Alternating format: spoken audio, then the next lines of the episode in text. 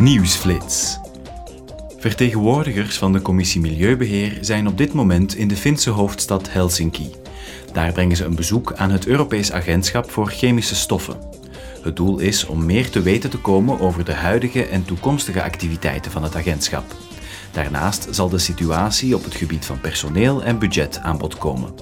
En tot slot zal er aandacht zijn voor de ontwikkeling van een strategie voor duurzame chemische stoffen. Vanwege zijn expertise is dat namelijk een belangrijke verantwoordelijkheid van het agentschap. Producten die in de EU worden verkocht, zowel online als in traditionele winkels, moeten aan de hoogste veiligheidsnormen voldoen. Daarom heeft het Europees Parlement vorige maand nieuwe veiligheidsregels goedgekeurd voor Europese producten. Gevaarlijke producten zullen snel van de markt worden gehaald. Zo zullen kwetsbare consumenten, zoals kinderen en mensen met een beperking, beter beschermd zijn. Onveilige producten leiden tot ongelukken die eigenlijk voorkomen kunnen worden.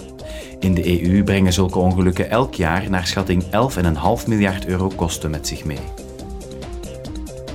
Schuim, spuitbussen en systemen voor brandbeveiliging, maar ook huishoudapparaten zoals koelkasten, airconditioners en warmtepompen bevatten vaak gefluoreerde gassen. Het Europees Parlement wil de uitstoot van zulke gassen, die ook F-gassen worden genoemd, vanaf 2050 volledig uitbannen. Dat moet de EU helpen klimaatneutraal te worden. De parlementsleden hebben daarom nu hun standpunt ingenomen over de herziening van het wetgevingskader rond de uitstoot van F-gassen.